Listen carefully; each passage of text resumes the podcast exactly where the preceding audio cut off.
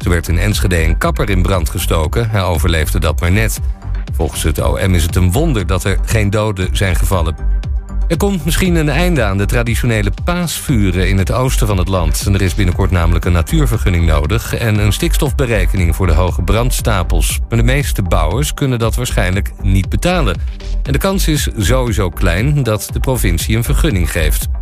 En in Italië zijn vier nonnen opgepakt... omdat ze jonge kinderen hebben mishandeld in een opvangcentrum.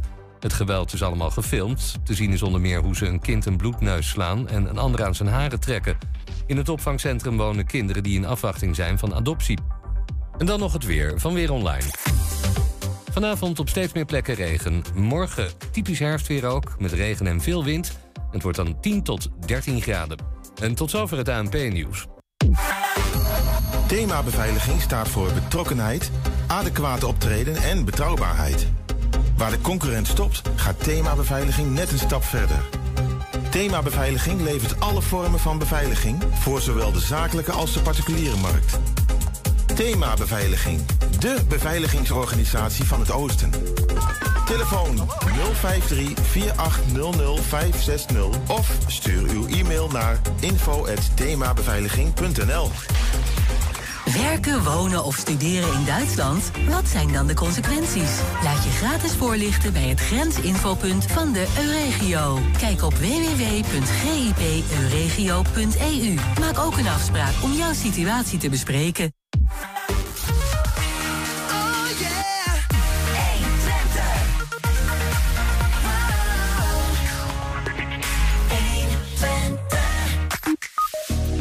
Drie dagen lang werd er gebrainstormd door ruim 70 mensen van allerlei verschillende afdelingen over veiligheid in het centrum van Enschede. Straks praten we over de opbrengsten. Influencers, je komt ze vooral op social media platforms tegen. Maar wat vinden de Enschedeze jongeren van die influencers? Mensen met kanker die behoefte hebben aan lotgenotencontact kunnen terecht bij Stichting De Nijenhoeve. Suzanne Fransen die is een van hen. En het is feest, want het Vestzaktheater is jarig. Het Enschedeze Theater mag 40 kaarsjes uitblazen. Het is woensdag 16 november. Dit is 120 vandaag.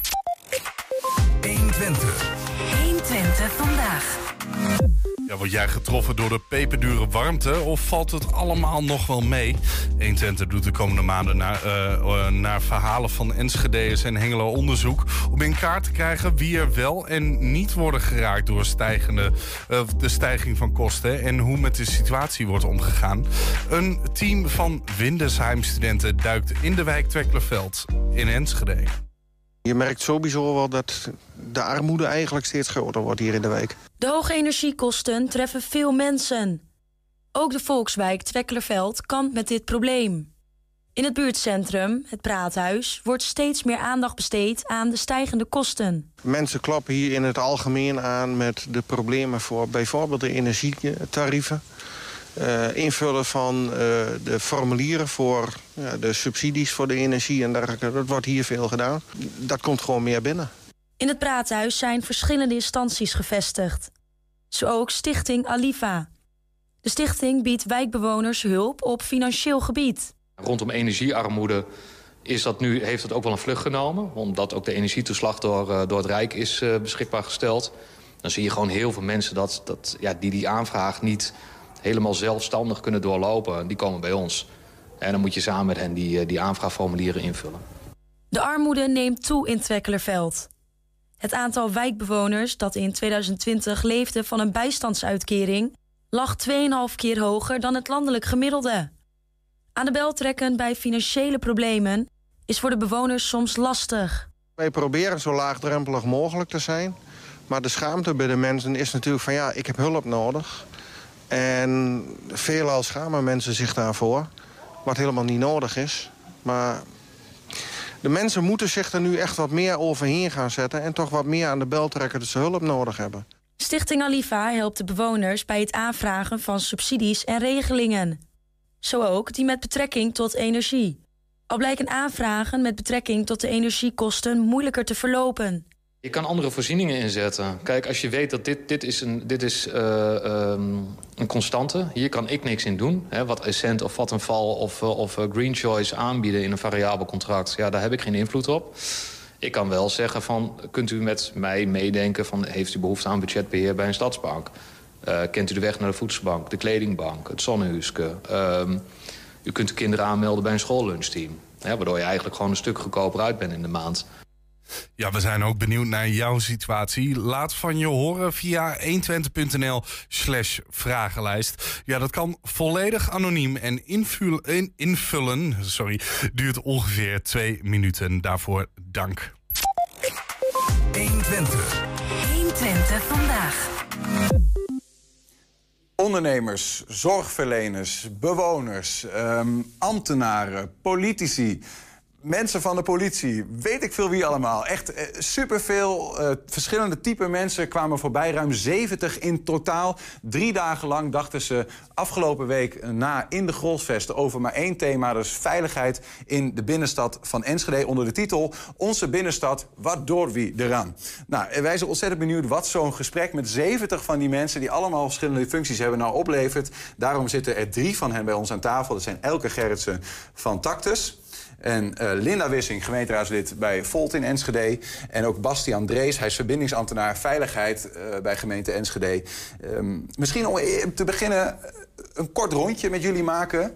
Heeft het wat opgeleverd? Uh, ja of nee, zeg maar. En nou ja, als je daar een kort antwoord op zou willen geven. Kort antwoord, ja. Um, heeft het wat opgeleverd? Ja, het heeft heel veel opgeleverd. Oké, okay, duidelijk. Elke. ja, zeker. Ja, ik kan er alleen ja. maar volmondig bij aansluiten. Ja. Oké, okay, nee, dan proef ik in ieder geval enthousiasme. Ik ben heel benieuwd wat het dan allemaal is. Uh, maar dan hebben we die alvast geponeerd. Straks meer daarover.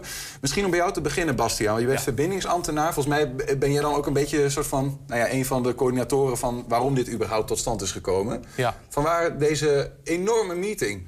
Nou, dit, dit, is, dit speelt al een tijdje, hè, dat we dit op, op poten proberen te zetten. Um, ik denk dat de afgelopen twee jaar best wel heel veel gezegd is over veiligheid in de binnenstad. Dus over de veiligheid en de leefbaarheid. Um, en dat was wel de wens van heel veel partners. We hebben het er heel veel over, hebben het er met elkaar ook wel over onderling. Maar hoe kunnen we nou eens met z'n allen tegelijkertijd eens dit onderwerp te pakken krijgen? Dus hè, de leefbaarheid en de veiligheid. Mm -hmm. um, dus daar zijn we mee aan de slag gegaan. Uh, bestuurders wilden dit, ambtenaren wilden dit. Nou, die wilden altijd wel. Maar het is ook mooi dat ondernemers en bewoners zich er ook bij aansluiten. En dat we met z'n allen, zoals het dan zo mooi heet in een future search wat we hebben gedaan... Uh, om het dan nog even Engels af te maken. The whole system in the room. Alle bij elkaar en de uitdaging in ieder geval... Alle uh, spelers in het veld. Alle spelers in het veld. Inclusief de drugsgebruikers? Uh, we hebben nog geprobeerd om uh, overlastgevers aan tafel te krijgen... maar dat is wel lastig, moet ik zeggen. Een helemaal om ze te committeren om drie dagen... Maar het is wel geprobeerd? We hebben het wel zeker geprobeerd. Ja, dat vind ik echt stoer. Ja, ja zeker. Ja, nee, interesting. Want, om dan maar Engels te blijven spreken trouwens... want, want Elke, jij, jij bent zorgcoördinator bij Tactus, hè? Ja. En jij bent ook ja, nou, een van de aanjagers van dit project geweest. Ja. Um, welke rol heeft Tactus dan in zo'n verhaal? Nou, ik ben in eerste instantie benaderd. Wij hebben een pand wat in het centrum van, uh, van Enschede zit. Dus wij, wij zitten ook in die, in die binnenstad. Um, ik, ben, nou ja, ik heb een nieuwe functie. Ik ben manager van een locatie waarin mensen wonen, ver, niet verwonen. En die um, hebben een dagopvang bij ons en die zijn chronisch verslaafd. Dus dat betekent dat ze langdurig uh, met een verslaving kampen. En dat kan ook zijn dat zij overlast geven... of in ieder geval mee kunnen werken aan het gevoel van onveiligheid in de binnenstad. Um, ze ergens vanuit... rondhangen en mensen ja. het idee hebben van... Nou, ik loop er liever met een boogje omheen. Zo zou ik me kunnen voorstellen. Ja, dus we hebben gekeken van hoe kunnen we nou zo breed mogelijk. Maar toen ik aan, aangesloten was, toen dacht ik... oh, ik zat weer met mijn kokertje. En toen dacht ik, oh, maar het gaat ook over meer groenvoorzieningen. En het gaat ook over licht. En het gaat ook over... het is zoveel breder dan het kokertje... hoe ik uh, naar die situatie kijk. Ja. En dat was ook heel mooi van die driedaagse. Dat je met zoveel mensen sprak. En dat je dacht van, oké, okay, iedereen heeft een andere bril op... maar we willen uiteindelijk wel... We, willen wel werken naar hetzelfde. Mensen moeten zich gewoon prettig voelen in die binnenstad. Het moet energie geven, die binnenstad. Het moet, nou ja, bruisen, dat woord kwam heel veel uh, naar voren. En hoe kun je dat dan bereiken? Um, met alle doelgroepen die we als gemeente hebben als Enschede-stad. Ja, ja, en daar was wel een bepaalde gezamenlijkheid, hoor ik al een beetje tussen de regels door. We die, in dat gaf energie. Ja, dat gaf ja. echt heel veel energie. Ja. Linda, als, als gemeenteraadslid van, van Volt, was jij daar? Was dat, waren alle gemeenteraadsleden daar? Of hoe moet ik dat zien? In principe was iedereen welkom. En we waren uiteindelijk uh, met zeven verschillende gemeenteraadsleden van verschillende partijen uiteenlopen van de VVD, PVV, Volt, uh, PvdA. Van alles. Het, eigenlijk deed het er niet toe uh, van welke partij je was. Want je zat daar uh, namens de gemeenteraad... maar tegelijkertijd ook als inwoner van Enschede. Ja. En, en eigenlijk, dat, dat vervaagde ook wel weer. Ja, je bent ook uiteindelijk gewoon volksvertegenwoordiger, toch? Ja, Dus, eh, tuurlijk. En, en, en ook inwoner. Want je hebt ook eigen... eh, je, je zit er iedereen... Nou ja, wij, de gemeenteraadsleden zijn natuurlijk allemaal inwoner. Dus je zit daar ook met, hé, hey, veiligheid. Zit inderdaad echt heel vaak in de gemeenteraad... zitten daar eh, bespreekpunten over. Maar wacht eens even. Het is fijn dat wij ook daadwerkelijk nu eens in gesprek gaan... met al die andere partijen. Waar wij heel vaak wel stukken van zien... maar ze niet direct spreken. Ja. Nou ben ik wel benieuwd hoe je eh, drie dagen lang... en feitelijk is het één avond, één Ja. dag en één... Nou ja, Lange ochtend. Lange ochtend. Maar drie dagen klinkt cooler. Zou het op. Eh, eh, wat je dan eigenlijk in vredesnaam, om maar bij het thema veiligheid te blijven... allemaal uitvoert met elkaar, weet je wel. Maar ik zag net, Linda, misschien is dat leuk... Ja, je, hebt iets het, eh, meegenomen. ik zou het even laten zien. Want wij, eh, wij gingen er ook open in. Hè. Het was ook geen, niet direct een programma. En, en uiteindelijk begonnen wij ook als eerste zeiden... nou, wie ben jij nou eigenlijk? Je zat in een kleine groep mensen met allemaal onbekenden. In ieder geval niet met mederaadsleden bij elkaar. En uiteindelijk zei wie ben jij nou? En dat, ik kon daar eh, aangeven... Nou ja, ik moest, eh, moest heel kort, hè, binnen 10 minuten of zo... moest je jezelf schetsen. Ik zei, nou, Volt, gemeenteraad, maar... hey, ik woon ook gewoon in het centrum, vlak bij, het, eh, bij de binnenstad. En, en ik werk bij Saxion normaal, dus... Heel kort jezelf voorstellen, zodat je ook wist met wie zit je om de tafel. Ja. En waarom, waarom zit je daar? En in deze map eh, nou ja, zat eh, even kort de agenda. Dat zegt nog steeds niet heel veel.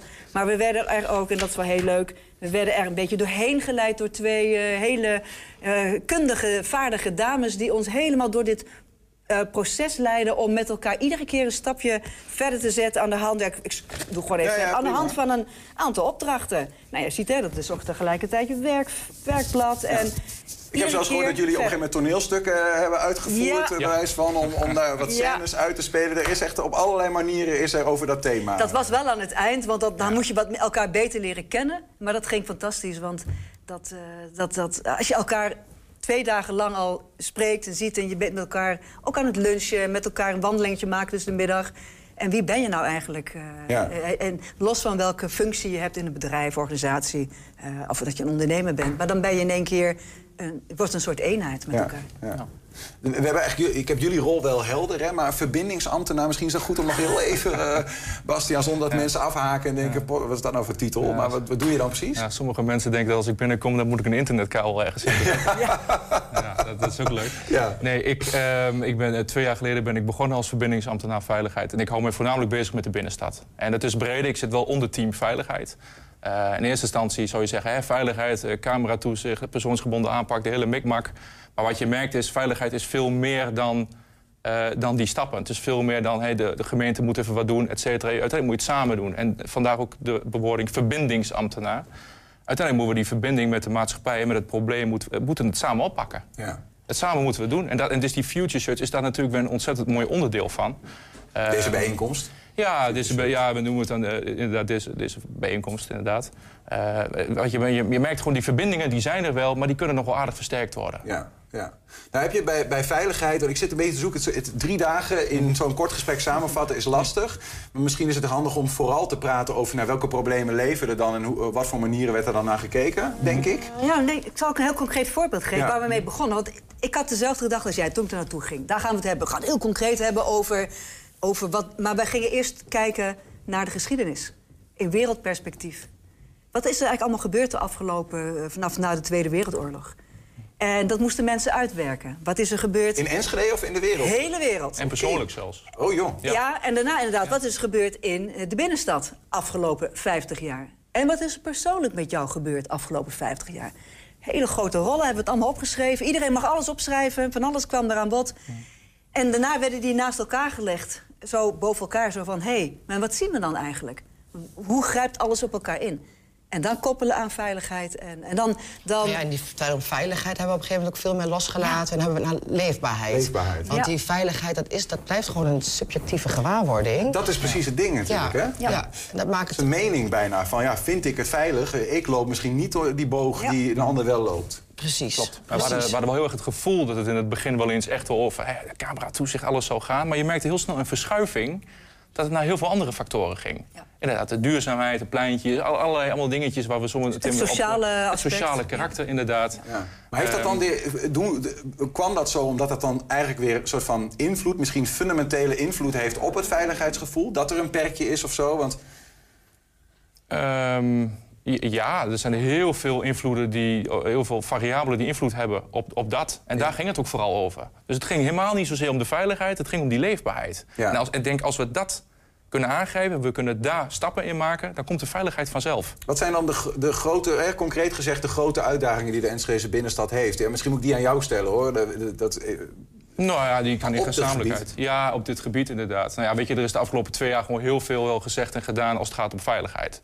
Eh, we kennen eh, drugsoverlast, hè, zit dicht bij de grenzen. Veel over geschreven, veel, over, eh, of veel mee gedaan. Wilmingplein, Van Ja. Lochemstraat. dat bochtje om, terug de Heurne in. Weet je, het waterbedeffect is al honderd keer voorbij gekomen. Ja. Dus dat zijn wel echt de, de, de uitdagingen waar we mee van doen hebben.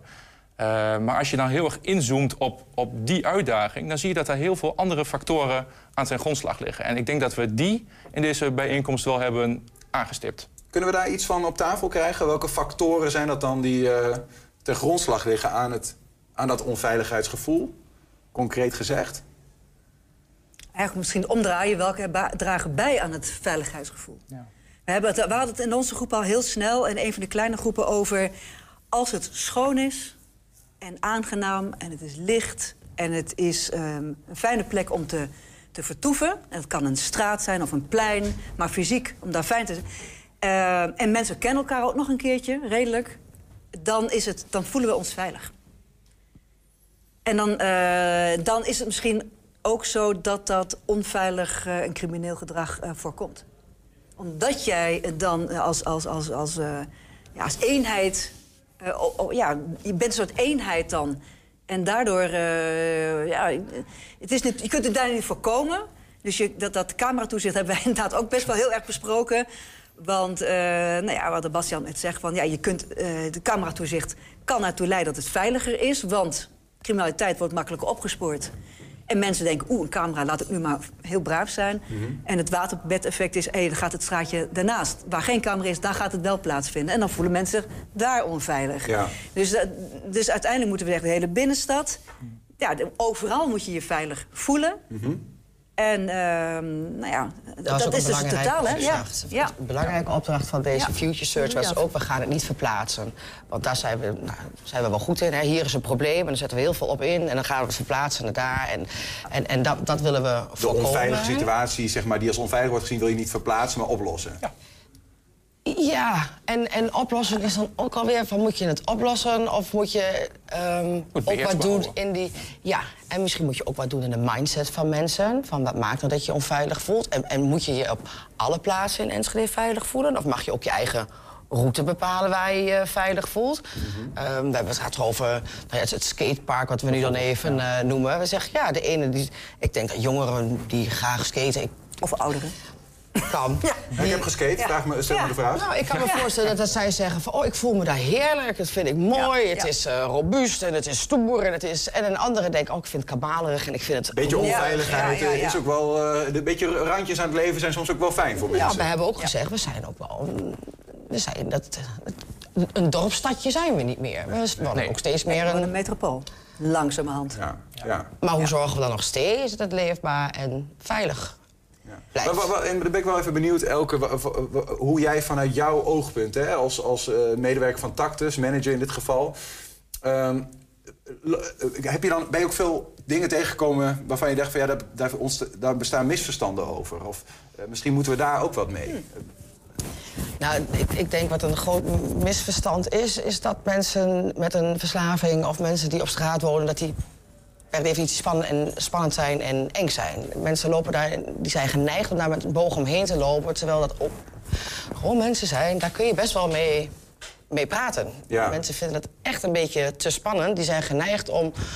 Om, er is hier een probleem en dat moet ergens opgelost worden. En, en, en help, help, hoe, hoe los je dit op? Dus ik denk, maar wat heb je, daar, nou, ja, wat heb je zelf gedaan? Ja, ja. Heb je al een keer een ontmoeting plaats laten vinden? En heb je kennis gemaakt met iemand? En als je het spannend vindt, laat het dan niet oplossen door een ander... maar word betrokken bij dat probleem, waardoor je ook zelf nou ja, misschien skills krijgt om het de volgende keer of eerder aan te kaarten of zelf op te lossen. Dan hoor ik wel, ik hoor echt de criticasters in mijn hoofd die zeggen van ja, goedemiddag, hé, weet je al, eh, groene perkjes en eh gaan eens in gesprek. En ondertussen eh, zien we soms nieuwsberichten van Lochenstraat, schietpartij, Rotterdamse bendes die met drugsoverlast te maken hebben. Ja, ik denk wel drie keer na voordat ik daar met zo'n gast in gesprek ga, bijvoorbeeld. Hè.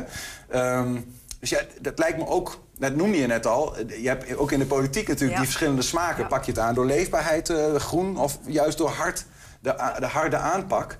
Is, dat wel, is daar een soort van bij- uitkomst gekomen tijdens die bijeenkomst... dat je zegt, ja, dit is be- toch beter dan dat, vinden we met elkaar? Ja, ik denk dat het, dat het in balans moet zijn. En, en, dat, en dat kwam er ook wel een paar keer uit. Van, ja, we kunnen nu wel heel veel gaan inzetten op leefbaarheid. Maar veiligheid en ook gewoon investeren af en toe in, in, in repressieve eh, middelen... eh, dat hoort er ook bij.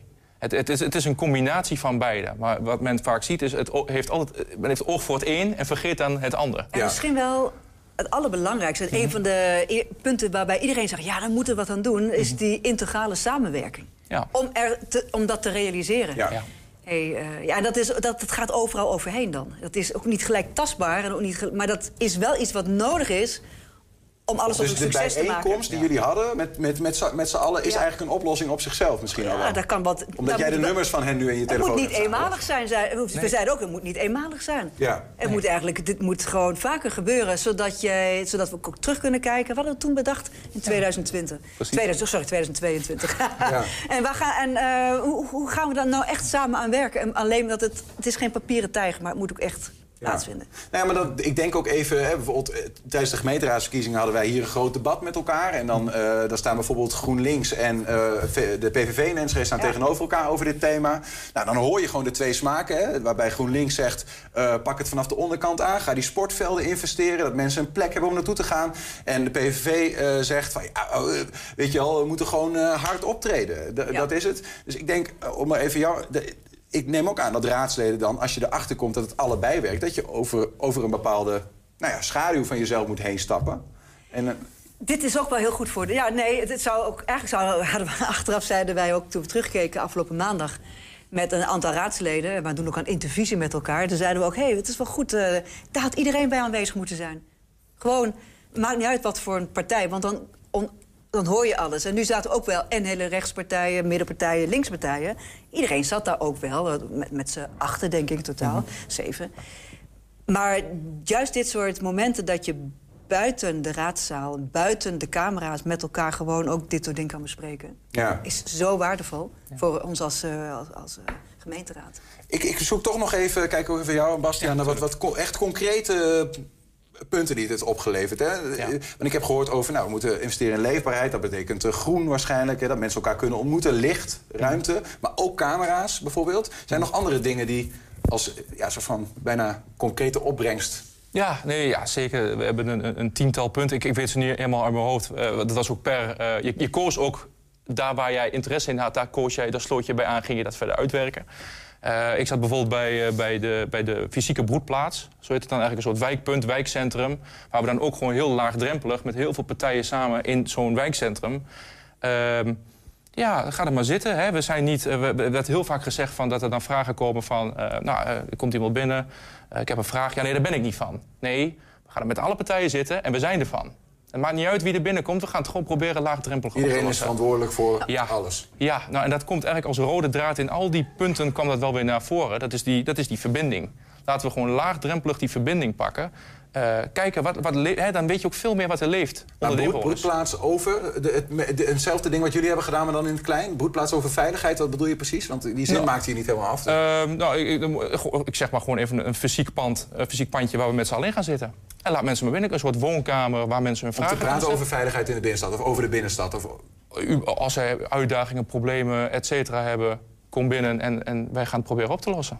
Bijvoorbeeld dat. ja, dat klinkt wel heel, heel eh, eh, open en groot. Dat, dat, dat, dat is het ook. Je hebt ook een inloophuis voor mensen die Ja. psychische problematiek hebben, bijvoorbeeld aan de Molenstraat. Ja, Ja. Is het dat? Is het... Ehm, nee, het, het is wat groot. En, en ik snap ook, het is nog een beetje wollig. Want het is, het, zo is die ook, het wordt gezegd, nou, we moeten een broedplaats hebben, dan kan iedereen binnenkomen. Ziet ook inderdaad een huiskamer eh, eh, idee. Maar wel waar verschillende partners met elkaar binnen zitten. En, en gezamenlijk kijken hoe we die uitdaging aan kunnen gaan. Als de mensen komen met een probleem, een vraag, een uitdaging, et cetera. Maar dat je hem wat integraler pakt. Nou, je hebt met, met al die 70 mensen en al die verschillende nou, partijen, eh, groep- eh, blikken die er naar kijken, hebben we met elkaar gekeken. En toen hebben we gezegd, maar deze tien dingen vinden wij belangrijk. En wij, dan ga ik er even vanuit dat wij een soort ehm, samen, hoe zeg je dat, een, eh, een afspiegeling van de maatschappij waren. Ja. Niet zo mooi als we hadden gewild, maar een redelijke afspiegeling eh, ervan. Wat, wie miste je dan?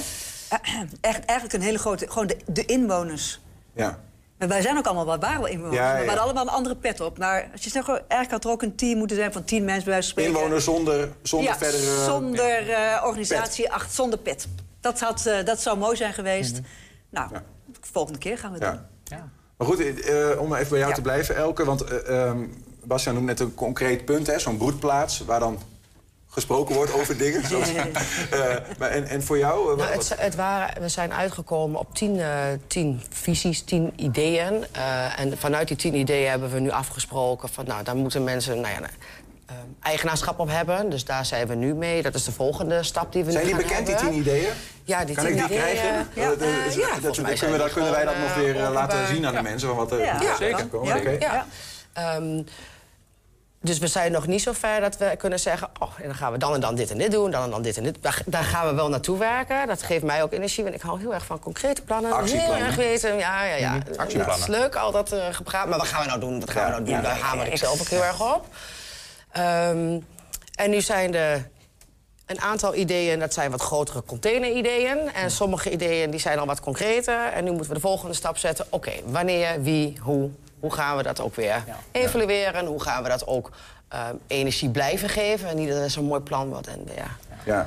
En wat, weg- ma- weg- en wat maakt het nou het verschil met andere plannen? Hè? Want er worden natuurlijk heel vaak van dit soort plannen worden wel bedacht. Ja. Maar het is heel mooi dat je nu commitment hebt van hey, niet alleen een beleidsmedewerker die dit nu gaat uitvoeren, maar ook iemand van de politie, maar ook een ondernemer, maar ook eh, politici. Ja, die, voelen zich allemaal Mede- eigenaar van... mede-eigenaar van dit plan. Ja, snap ik. En, en dat is, als je het dan hebt over, dan is de, de werkbijeenkomst, dat is al de winst. Ja, Nog een ander concreet voorbeeld? ja nee, om het Ja. af te sluiten misschien. Ja, nou, zaten, wij zaten toevallig ook met elkaar in een groep. En wij kenden elkaar van de vorige niet. Maar we hebben het gehad over, wij maken een pleinenplan.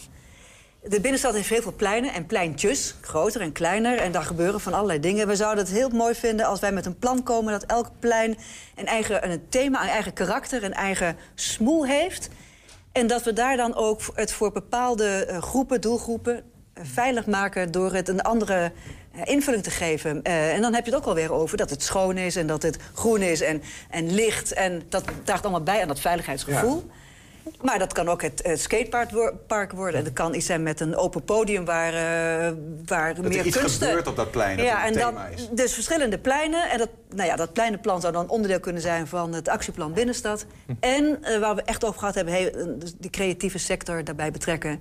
Want heel vaak is als het heel mooi eruit ziet... en daar goed over nagedacht vanuit die creatieve sector... dan, dan blijft het ook heel mooi. En dan, dan, eh, krijgt, dan krijgt het ook echt een meerwaarde. Ja. Dus dan, dan is het ook aantrekkelijk weer... als je het hebt over aantrekkelijke binnenstad, bruisende binnenstad...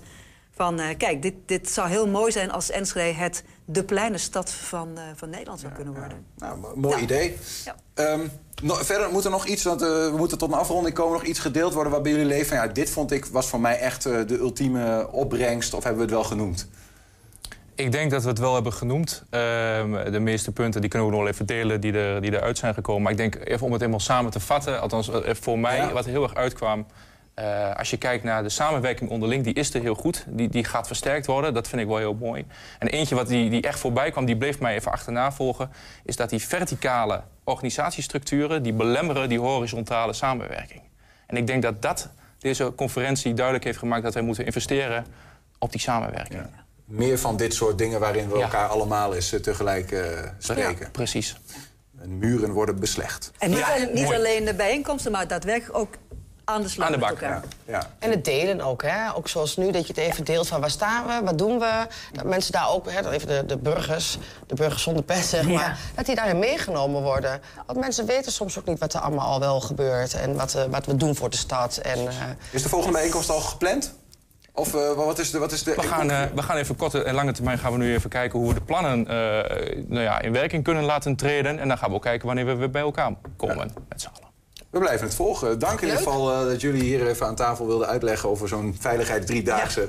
Ehm, leuk, leuk om te horen wat er allemaal gebeurt. Elke Gerritsen van Tactus, Linda Wissing van Volt in Enschede en Bastiaan Drees, ambtenaar veiligheids... eh, verbindingsambtenaar, dat soort dingen. Dank jullie wel. Succes ermee. Dankjewel. Zometeen influencers. Ja, je komt ze op elke social media platform tegen. Bedrijven betalen hen om producten of diensten onder aandacht te brengen bij hun vaak ja, grote aantallen volgers. Maar hoe sterk is de invloed van deze promotors eigenlijk? En ook zijn wij als podcast te luisteren. Dat kan via alle bekende platforms. Je vindt daar hele uitzendingen onder 120 vandaag. En elke dag één item uitgelicht op 120 vandaag uitgelicht. 120. 120 vandaag. De diagnose kanker krijgen is nooit makkelijk. En al helemaal niet als je je hele leven nog voor je hebt. Voor mensen die de behoefte hebben aan lotgenotencontact... is de stichting De Nijenhoeve... waar jongeren met kanker steun bij elkaar kunnen krijgen. Suzanne Fransen is een van die eh, bezoekers van eh, De Nijenhoeve. En Suzanne is hier ook. Suzanne, welkom. Dankjewel. hoe lang bezoek je De Nijenhoeve al? Eh, in 2016 heb ik zelf de diagnose kanker gekregen. En eh, toen ben ik voor het eerst bij de Nijenstichting geweest. Ik zat toen nog in de stad in Hengelo. Eh, daarna ben ik ook een tijd niet geweest. Ehm, en sinds 2020 ben ik eigenlijk weer nou ja, bij Debbie van de Nijenhoeve, of de Nijenstichting terechtgekomen. Omdat ik toen helaas zelf weer de diagnose kanker kreeg. Maar je, je kwam ook een tijdje niet omdat het een tijdje nou ja, minder ver dichtbij je was. Eh, nou ja, ik ben behandeld en in principe hoop je na de behandeling dat je klaar bent. Kijk, je wacht een aantal jaar voordat je genezen bent. Maar je pakt je wel je leven weer op, tenminste. Dat heb ik wel geprobeerd. Ehm, nieuwe studie, weer aan het werk. En eigenlijk was ik daar heel goed mee bezig. Tot er bij een ja, standaardcontrole toch weer eh, ja, een, een tumor gevonden werd, helaas. Ja, dat zijn dan meestal ook eh, wel harde bommen die dan aankomen vaak. Als het terug, terug blijkt of nooit weg is geweest misschien wel of niet. je houdt er altijd rekening mee. En zeker gezien mijn prognose ehm, zat het altijd in mijn achterhoofd. Maar na 4,5 jaar had ik het niet meer verwacht toen. Nee. Wat, wat voor een type kanker heb jij? Ik heb een osteosarcoom. Dat is een zeldzame vorm van eh, primaire botkanker. Heel veel mensen kennen botkanker als een uitzaaiing van een andere vorm van kanker. En bij mij is het dus echt ontstaan in een bot. Oké, dat is de- primaire tumor die in een bot zit. Ja. Ehm, en ik heb ook begrepen, Suzanne, dat voor jou betekent het ook dat jij, nou ja, eh, de, de doktoren zeggen dat het eindig is. Ik was geen 80. Nee. Nee, nee ik heb inderdaad ehm, toen ik anderhalf jaar geleden eh, te horen kreeg dat ik een, weer een uitzaaiing had, dat het er voor mij niet heel goed uitzag. Ja. Is, het, is dat moeilijk voor je om daarover te praten? Inmiddels eh, ben ik daar wel eh, aardig goed in, denk ik. Ik ben altijd vrij open geweest over mijn ziekte en over de behandeling. Ik ben überhaupt heel open over eigenlijk alles. Ehm, maar ik kan niet ontkennen dat het ook voor mij wel even eh, heel erg slikken was. Ja. Want eh, eh, ja, ik, ik, vind het, ik vind het ongemakkelijk om te vragen, maar voor een beeld te krijgen, wat is dan, wat, wat, wat is jouw prognose dan nu? Nou, mijn eh, oncoloog wilde in eerste instantie geen prognose geven, eh, anderhalf jaar geleden. Ik heb dat eh, toch uitgelokt uiteindelijk. Ehm, en dat was anderhalf jaar geleden twee jaar. Maar zoals ik hier nu zit, geeft niemand mij nog een half jaar. Ik weet niet of ik nog een jaar leef of nog tien. Maar ik ga zeker voor tien of langer. Maar ja, die keus heb je niet altijd zelf, hè? Nee, nee.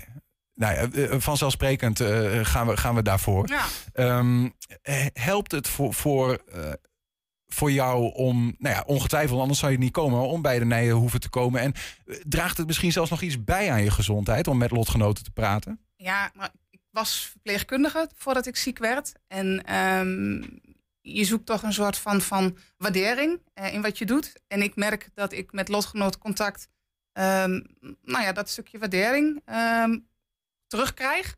Eh, maar ik kan ook zelf heel goed mijn ei kwijt bij patiënten. Kijk, als ik een scan heb, een controle, ook al weet ik dat ik niet meer beter word, het blijft super spannend.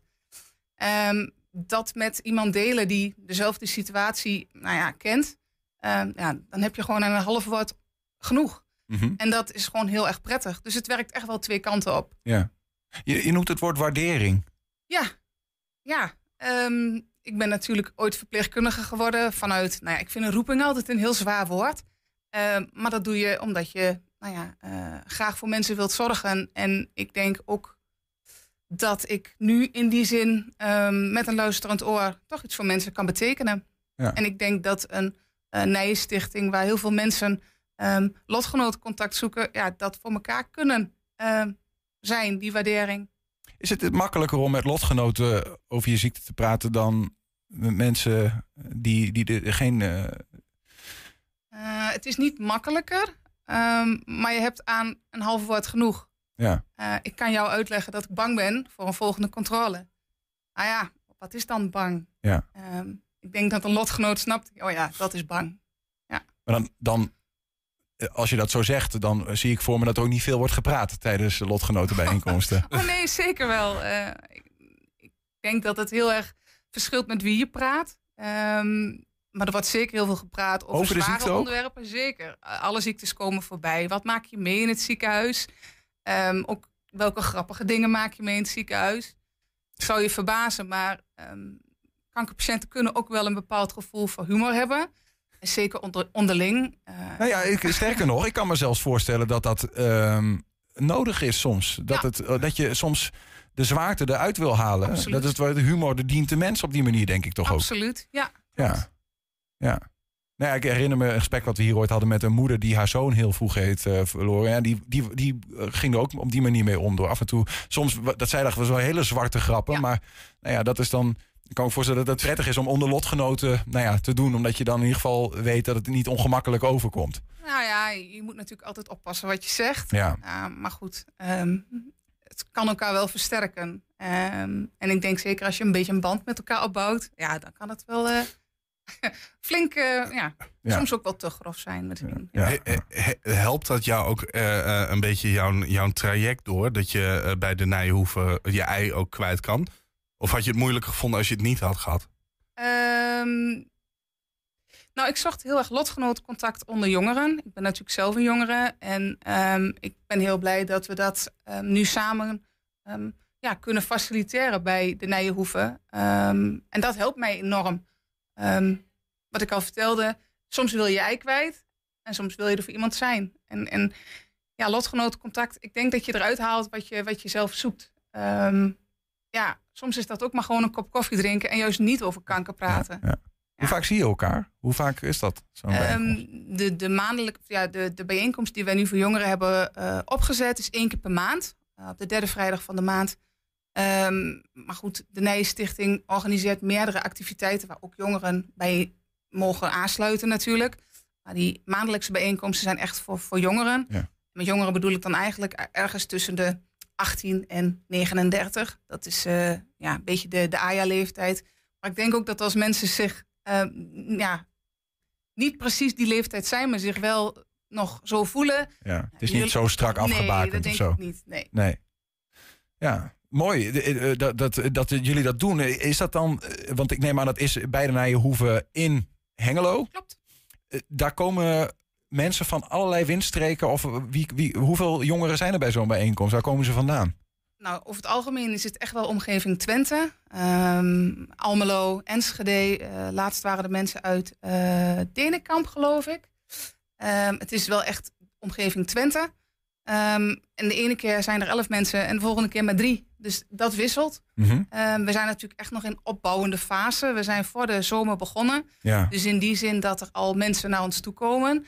Althans, naar de Nijenhoeven toe komen als jongeren. Ja, dat vind ik heel, heel bijzonder. Want ja. Maar wat mij nou wel ook ja, ingewikkeld lijkt, hè, maar dan moet je maar uh, vertellen of dat zo is. Je bent dan met mensen die um, nou ja, vaker, zoals jij, uh, hebben gehoord, het leven duurt voor jou misschien minder lang dan voor een ander. Ja. Uh, dus ook mensen die op een gegeven moment weer misschien wel wegvallen of te ziek zijn om te komen. Klopt. En dat lijkt me toch iedere keer een soort van, ja, dan bouw je een band op met iemand en dan valt er iemand weg. Ja. Ja. Dat lijkt me ook heel zwaar of zo. Lotgenotencontact is in die zin niet altijd leuk, nee. want dat doet zeer. Ja. Ja, dat klopt. Ja. ik weet ook niet wat ik er verder mee wil eigenlijk met die vraag, maar nee. ja, dat komt zo nee, in me op. Dat doet zeer, maar um, juist omdat je een band opbouwt met iemand in die laatste fase kun je ook wel uh, hele goede gesprekken hebben. En um, er zijn mensen overleden die ik kende en goed kende, uh, ook via lotgenotencontact.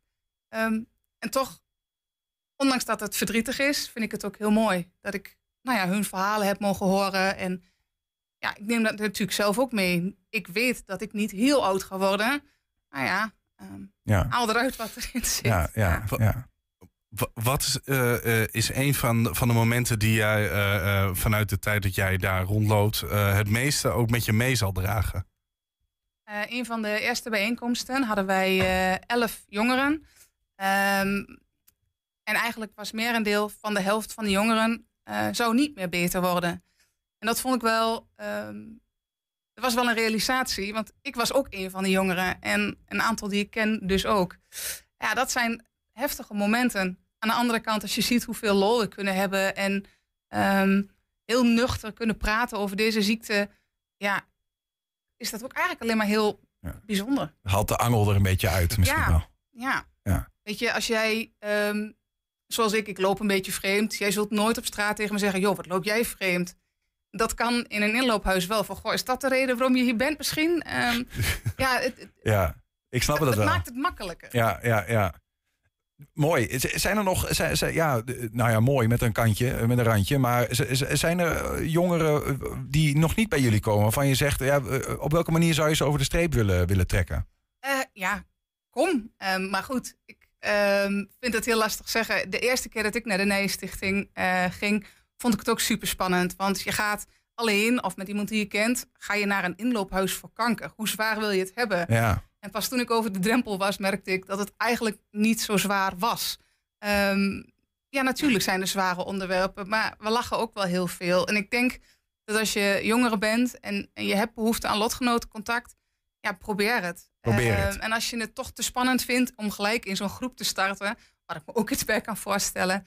eh, Debbie is altijd bereid om koffie met je te drinken, om je een rondleiding te geven. Maar ik ook natuurlijk. Ja. Eh, ja, het is gewoon eh, heel leuk samen. Dat staat. Maar goed, Ehm, het klinkt, ja, je wil ook geen zieltjes winnen. En aan de andere kant hoop je natuurlijk dat iedereen gezond blijft. ja, ja, ja. is helaas niet. Nou ja, en als je fysieke gezondheid dan achterblijft, eh dan kan ik me voorstellen dat het ook mentaal voor je gewoon zoveel nog kan bijdragen. En ja, hoe vaak zien we wel niet dat dat weer een weerslag heeft op je lichaam. Dus het, Nou ja, we willen ook nog allerlei leuke activiteiten organiseren. Maar goed, we zijn natuurlijk pas net begonnen. Ja. Dus ik hoop eh, in de toekomst. ja, bij deze, die uitnodiging eh, staat dus van jouw kant. Eh, Su- Suzanne, er wordt nog wat ingefluisterd. Ja. Moeten we nog wat noemen? Aanstaande vrijdag hebben wij eh, een pubquiz. Een van onze medevrijwilligers die eh, heeft zelf een pubquiz gemaakt. En eh, aanstaande vrijdag vanaf half zeven eh, nou ja, is die pubquiz dus voor alle jongeren die nou ja, met of na kanker die daar in geïnteresseerd zijn, zijn van harte welkom. aanstaande Wel graag vrijdag. op, opgeven via de website van de Nijenstichting. Duidelijk, die, die- ook dat staat. Dankjewel Suzanne voor, ehm, eh, voor je ons, eh, ongelofelijke openheid hier aan, aan tafel. Het blijft altijd een beetje een ingewikkeld onderwerp, eh, maar dat, nou ja, dat vertel je goed. En ik begrijp een beetje, kom een beetje in jouw gedachten over wa- wat het voor jou betekent om lotgenotencontact te hebben. Dankjewel en ik wens je nog veel meer dan tien jaar. Ja, dankjewel. Bedankt. Ja, zometeen gaan we het hebben over het Vestzaktheater. Want eh, het Vestzaktheater is jarig. De Enschedeze, eh, het Enschedeze Theater mag 40 kaartjes uitblazen. 120. 120 vandaag. Ja, influencers. Je komt ze op elk social media platform tegen. Bedrijven betalen hen om producten of diensten onder de aandacht te brengen bij ja, een vele eh, eh, en grote aantal volg- volgers. Maar hoe sterk is de invloed van deze promotors eigenlijk? Emma en Kim vroegen het aan de jongeren in Enschede. Veel jongeren maken gebruik in hun dagelijks leven van sociale media. En daar komen ook de welbekende influencers voorbij. Maar hoe beïnvloedbaar zijn de jongeren in Enschede voor influencers? Nou, wij gingen de straat op. Was je wel eens beïnvloed door influencers?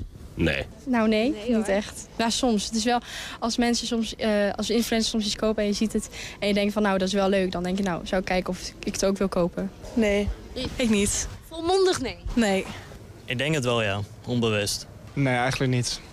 Echt, eh, ja, ze kunnen wel zeggen wat ze willen, maar ja, of het allemaal klopt... eh, Neem je ze wel serieus? Ja, soms. Maar soms denk ik ook is het niet fake of zo. Oh, nee, al- hun baan is gewoon niet serieus te nemen. Het enige wat ze doen is het gewoon een beetje posten en daarmee geld verdienen. In plaats van gewoon eh functioneren aan de ma- maatschappij en een normale baan te kiezen. Nou, soms niet. Wanneer wel? Ja, nou ja. Nou, goede vraag eigenlijk. Maar eh, ja, als ze met zo'n stomme stunt komen of zo, dan denk ik van nou, dat hoeft van mij niet. Wanneer ben je wel beïnvloed en wanneer niet?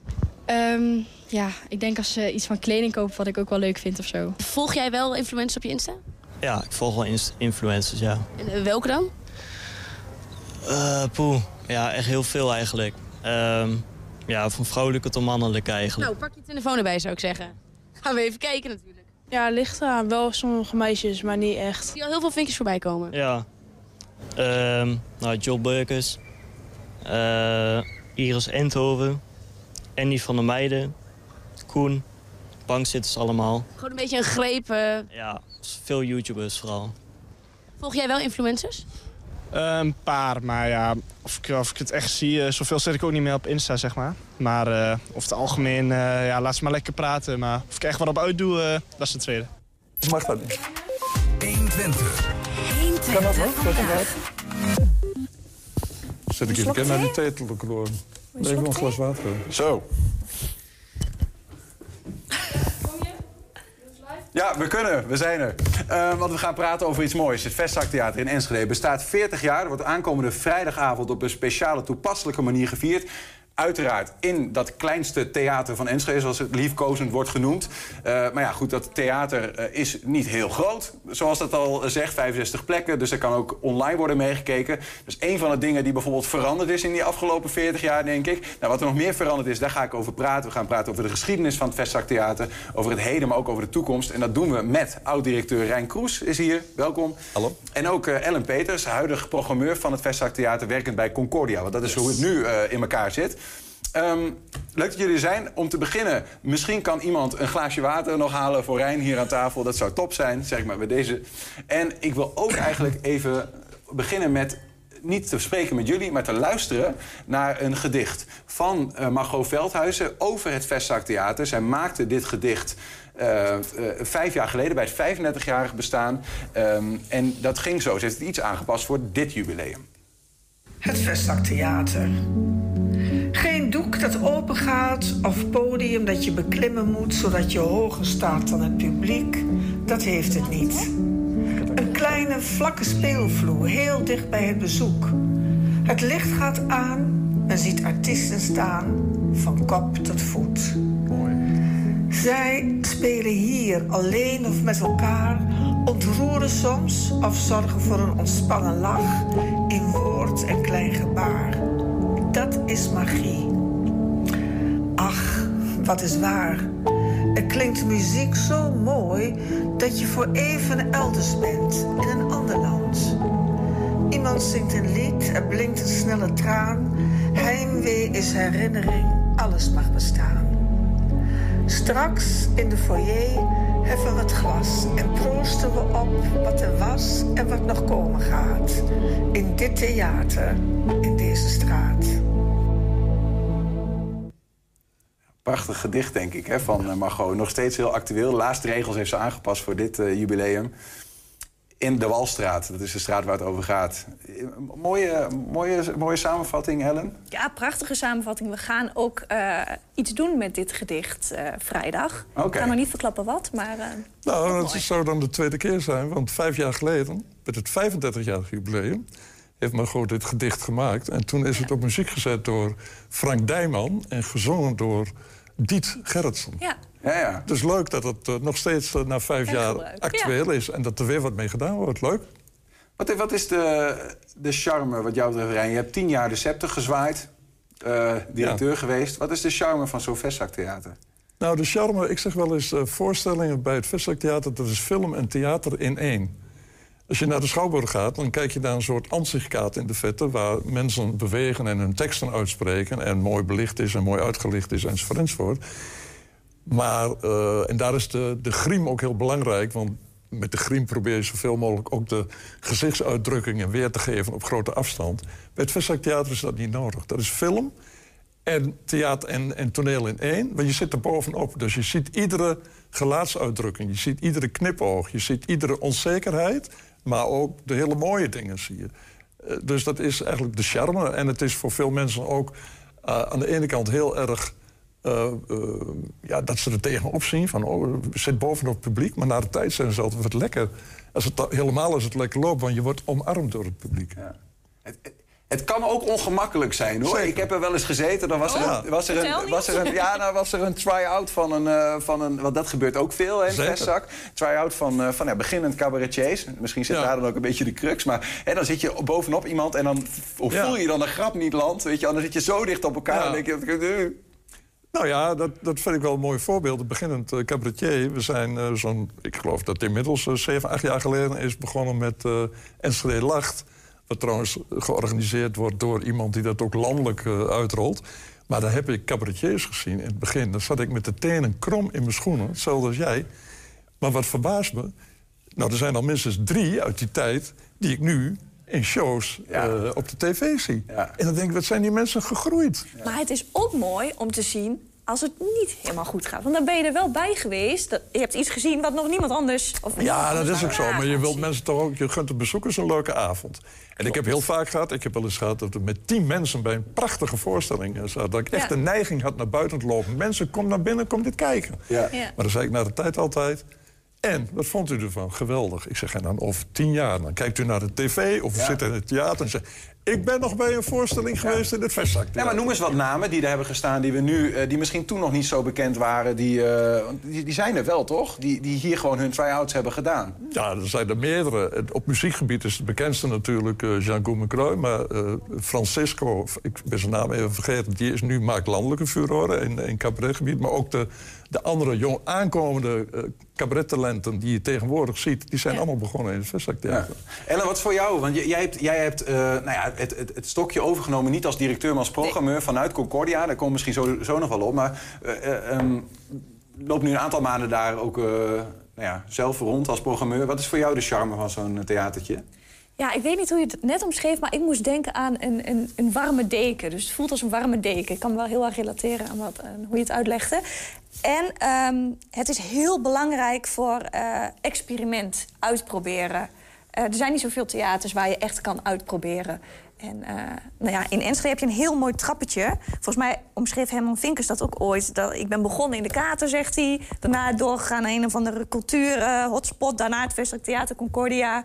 eh, Kleinzaal Wilmink. Nou ja, zo verder. Ja. Dat is Nou, gewoon een hele mooie bodem. Dat is wel grappig, want dat was mijn eh, idee... toen ik vijf jaar geleden eh, de sleutel overdroeg aan de ou- jouw oud-baas Willem Jaap. Willem Jaap Zwart. Kijk, de geschiedenis van het Vestzaktheater in die 40, in die 40 jaar, toen 35 jaar, was eigenlijk een geschiedenis van vallen en opstaan. Afhankelijk van wie er aan het roer zat. En ik zou het zo jammer vinden, omdat wij het eigenlijk uit het slop getrokken hebben. Eh, die tien jaar ervoor, met een hele grote schuld begonnen, die weggepoetst is door de gemeente, maar aan het eind een halve ton op de rekening hebben staan die ik over kon dragen als een bruidschat naar Willem Jaap Zwart. Daar waren we best trots op. Maar het was ook de bedoeling, ik wilde eigenlijk, we wilden het niet meer in laten kakken. En toen dacht ik, het moet ingebed worden in een stevige organisatie. En toen maakte ik het vergelijk. Je hebt het Wilming Theater. Of het, eh, ja, het Wilming Theater programmeert ook in de Kleine Willem. En heeft ook eh, de, de, de Grote Kerk als programmeerplek. Zo heb je Concordia. Heb je Concordia eh, de, de kunstuitleen. Maar zou je ook nog Concordia het Vestzaktheater kunnen hebben. Dat was eigenlijk... En dat is ook wel uitgekomen. En go- godzijdank is het na vijf jaar nog, nog live en... Ja. Nee, je, je maakt al een sprong in, de tijd, eh, maar dat is prima. Want ik dacht, we, gaan, kunnen ook nog iets verder terug in de tijd gaan bij de opzet. Maar laten we dan, nu, nu hier toch komen... eh, Ellen, ehm, wat voor een verschil maakt het, denk je... dat je nu vanuit Concordia, zeg maar, Vestzaktheater tot je beschikking hebt? Dat je heel goed kan kijken eigenlijk wat, wat waar past. En ehm, soms heb je ook een try-out die je kan neerzetten in het Vestzaktheater.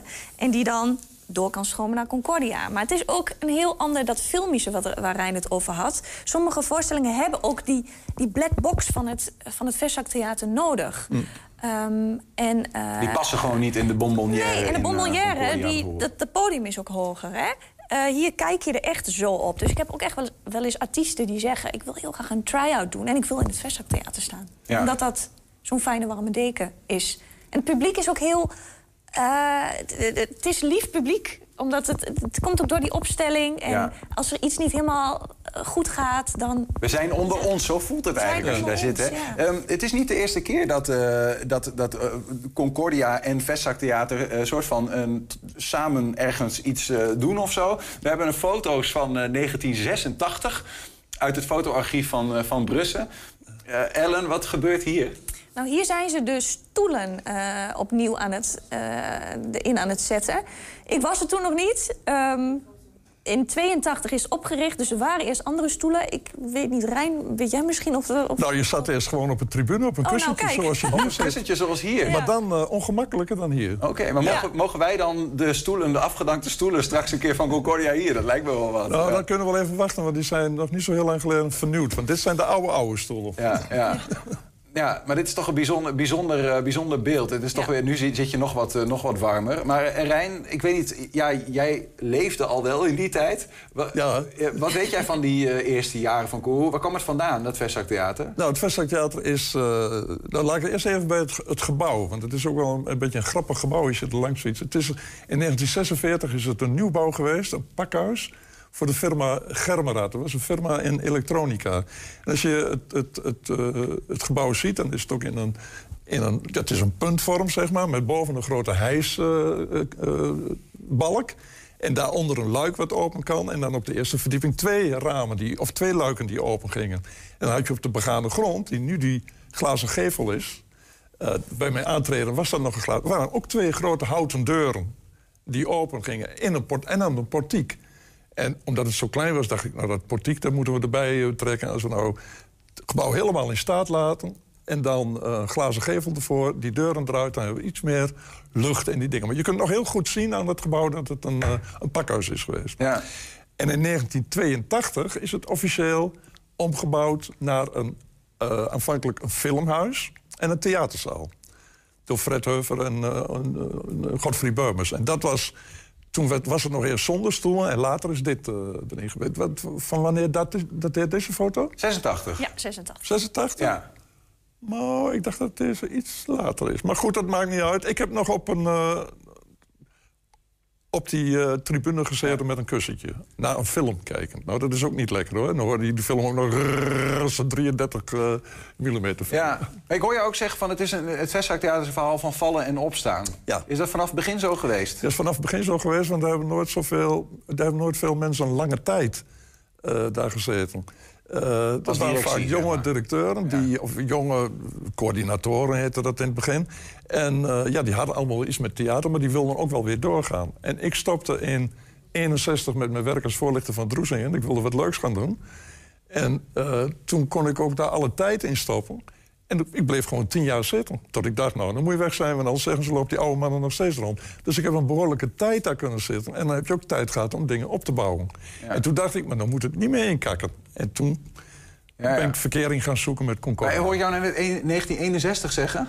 Nee, nee, nee, nee. Da- da- da- da- wanneer begon je? Nee, maar dat kan Nee. natuurlijk niet. Want volgens mij, of ik heb dat verkeerd gehoord hoor. Toen maar- ik wegging, dus in, in, eh, toen ik wegging vijf jaar, dus dat is 15 jaar geleden, ben ik begonnen. Ja, precies. Dus ik ben nu zo'n vier, vijf jaar weg. Ja, ja. Precies, vier, vijf jaar, ja.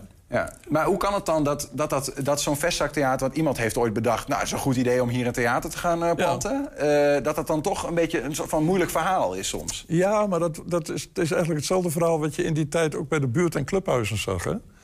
Eh, Dat was toch een beetje, een beetje socio en het moest allemaal leuk en aardig... en iedereen had inbreng en er was niet iemand die zei... nou, wow, jullie gehoord hebben, we gaan het zo en zo doen. Het was altijd een beetje consensus en dan werd het ook nooit van iemand. was Dus geen iemand visie. was ook echt verantwoordelijk. Ja. En werd er ook niet op afgerekend. Maar wat heb jij dan... want want jij, je hebt die, ja, nou kan ik wel zeggen... vestzaktheater min of meer gered van de ondergang. Nou ja, Aan- ik aan- samen met de vrijwilligers uit Slap gehaald. En jammer dat ze er niet is. eh Evelien, eh, eh, onze vaste trouwe vrijwilliger... die heeft samen met een collega-vrijwilliger... op een gegeven moment bij de gemeente aan de bel getrokken... van het gaat niet goed. Ja.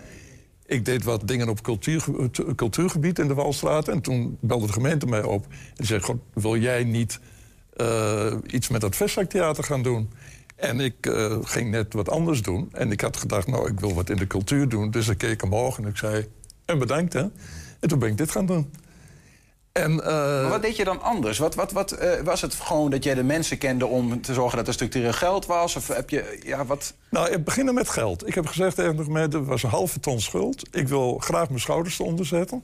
Maar ik begin niet met een halve ton schuld. Als jullie dat gat dichten, dan zet ik mijn schouders eronder. En dat heb ik gedaan. Maar je hebt dan ook de tijd.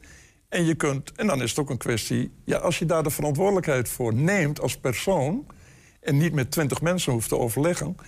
eh, wel met de vrijwilligersdingen kortsluiten... maar niet dat die vindt dat je zus moet doen... dan kun je je eigen gang gaan en dan kun je ook zeggen... nou, wat uit een soort logica kun je het opbouwen. Kortom, ik beschouw het eigenlijk gewoon als mijn eigen kijkdoosje. Ja. En ik kon daarin doen en laten wat ik wilde. Er werd ook geprogrammeerd wat Rijn Kroes mooi vond. nou ja, wat het publiek eh, aantrekkelijk vond. En ik keek met name naar onze huisgroepen, die heel belangrijk zijn omdat die ieder jaar, als je drie, vier huisgroepen hebt... en we hadden de vijf met de, eh, de theatersportvereniging meegenomen... dan had ik gewoon drie, vier jaar maal zoveel huisgroepen... twee keer over of drie keer over een volle bak. Ja. En dat is omzet. Ja, ja, ja. Maar dan bedien je ook een grote, een grote groep mee. Ja. En omdat dat, in, eh, dat, dat ieder, ieder jaar weer kwam... toen dacht ik, nou, wat ieder jaar in serievorm kan... dat kan ook in, in jaarvorm, of in, in een serie per jaar. Dus waar we mee begonnen zijn toen... dat is in serievorm een aantal formats gaan bedenken... op muzikaal gebied, bijvoorbeeld mooie liedjes... dat draait nog steeds, één keer in de twee maanden... in samenwerking met eh, de Popacademie... Eh, we hadden één keer in de twee maanden op zondagmiddag wereldmuziek... met de accent op fado en, eh, en flamenco. voordeel daarvan was, omdat je ook weinig eh, budget had om publiciteit te doen... dat je bij de laatste voorstelling de volgende alweer aan Je wist dat je een bepaald publiek aan je kon trekken. En je, kon daar, je trok daar een bepaald publiek bij. Dat was ook een soort reunietje om de twee maanden. Ja. Nou, en dan bekende Nederlandse of Enschedeze artiesten uitnodigen... in een And Friends-programma. Ik denk, als je nou bijvoorbeeld iemand die bekend is... en iets leuks doet op podiumgebied, vraagt... wil jij een programma And Friends? Dan trekt hij de mensen... Nou, dan begon ik bijvoorbeeld met Diet Gerritsen. Die was toen nog heel erg bekend van Jongelui Alle Grond. Diet Gerritsen en Friends. Die nam uit haar creatieve eh, kennissenkring een aantal mensen mee. En in overleg stelden we een programmaatje. Vier keer per jaar. Nou, zo gingen we dat doordoen. Ik snap het een beetje, denk ik. hè. Eh, stru- voor structuur zorgen en terugkeren in Ja, dingen. ondernemer. En- Het is eigenlijk ondernemer, ja. Is dat, is dat, eh, hebben jullie dat soort van goed kunnen overnemen, datzelfde ding? Of doen jullie toch nog weer iets anders? Wat is Nou, de visie voor de toekomst? Nou, ik, heb die, eh, ik ben Rijn heel dankbaar dat hij die reeks op heeft gezet. Ik noem dat reeksen. Dus mooie liedjes met mooiste liedjes. Dat doen we elke keer nog. We hebben eigenlijk een volle bak. We hebben ook in de coronatijd hebben we eh, de voorstellingen gestreamd. Dus hebben we wel de artiesten een plek kunnen bieden Ja. eh, met de camera erop. Ehm, we hebben inderdaad eh, Mozaïek, de wereldmuziekreeks, hebben we nog. Ja. Zin in Zondag, ik weet niet of jullie die hadden. Een kinderserie op de... Maar ik had wel in alle vakanties kinder, eh, Ja. kinderprogramma's. Ja. dus die reeksen, daar zijn we echt mee doorgegaan. Ehm, en de visie is, wat mij betreft, wat ik net ook al zei... experimenteren, uitproberen. Een heel mooi voorbeeld is, we hebben eh, UT-studenten van Creative Technology... die hebben we een soort hackathon laten doen in het Verstak Theater... met een ehm, robotacteur, dus een AI-acteur. en die hebben we daarna eh, doorgeplaatst naar Concordia... om daar de officiële voorstelling te doen. Echt een try-out eh, plek Precies, eigenlijk. precies. Ja. Ontwikkelfabriek. Ja. Ontwikkelfabriek, Ja. ja. Ehm, ja, we moeten dit gesprek alweer bijna afronden. Eh het Ah, voelt joh. nog heel kort, maar eh, ehm, eh, misschien is het wel goed om... Want, want ik begrijp dan een beetje de toekomst, hè, wat, het, wat er in het vat zit. Eh, aankomende vrijdag wordt er in ieder geval even weer een, eh, een paaltje geslagen. We hebben de 40 jaar eh, gehaald. Ja. Wat gaat er precies gebeuren? Ongeveer? Iedereen, het is een verjaardag van het Vestzak Theater. We nodigen eh, live in het theater mensen uit die je normaal ook op een verjaardag uitnodigt. Dus die het Vestzak Theater goed kent en eh, nou ja, daar wat bij voelt. Maar iedereen kan kijken gratis via de livestream. Dus als je niet meer in het theater past, nodig ik vooral iedereen uit om via de website van Concordia de livestream te volgen. Interactief is die, dus je kan ook nog wat eh, meedoen vanuit huis. Kijk, en dan op naar de volgende 40. 40 jaar. 100. Ja. Zo, dan ben je 80. Ja. Kijk of je dan nog steeds... Zeg zo, ja, inderdaad. Ja, eh, leuk. Aankomende vrijdag om half negen. Dus eh, via de website van concordia.nl is dat te zien. Rijn Kroes en eh, Ellen Peters, dank jullie wel dat jullie even wilden aanschuiven. Tot zover ook 120 vandaag. Terugkijken dat kan direct via 120.nl. En vanavond om 8 en 10 op televisie te zien. Zometeen hier iemand die ook denk ik meer dan 100 jaar op de radio zou zijn. Henk Ketting met de kettenreactie. Veel plezier en tot morgen. 120. Weet wat er speelt in Twente. Met nu het nieuws van 5 uur. Goedemiddag, ik ben Bas van Halderen. De boerenprotest bij het provinciehuis van Overijssel is voorbij. Een paar honderd boeren waren met hun trekkers naar Zwolle gekomen. Ze stelden de provincie een ultimatum. Overijssel moet stoppen met het opleggen van dwangsommen aan boeren... die hun stikstofvergunning niet op orde hebben. De anders volgen hardere acties. Mensen die demonstreren tegen het regime in Iran...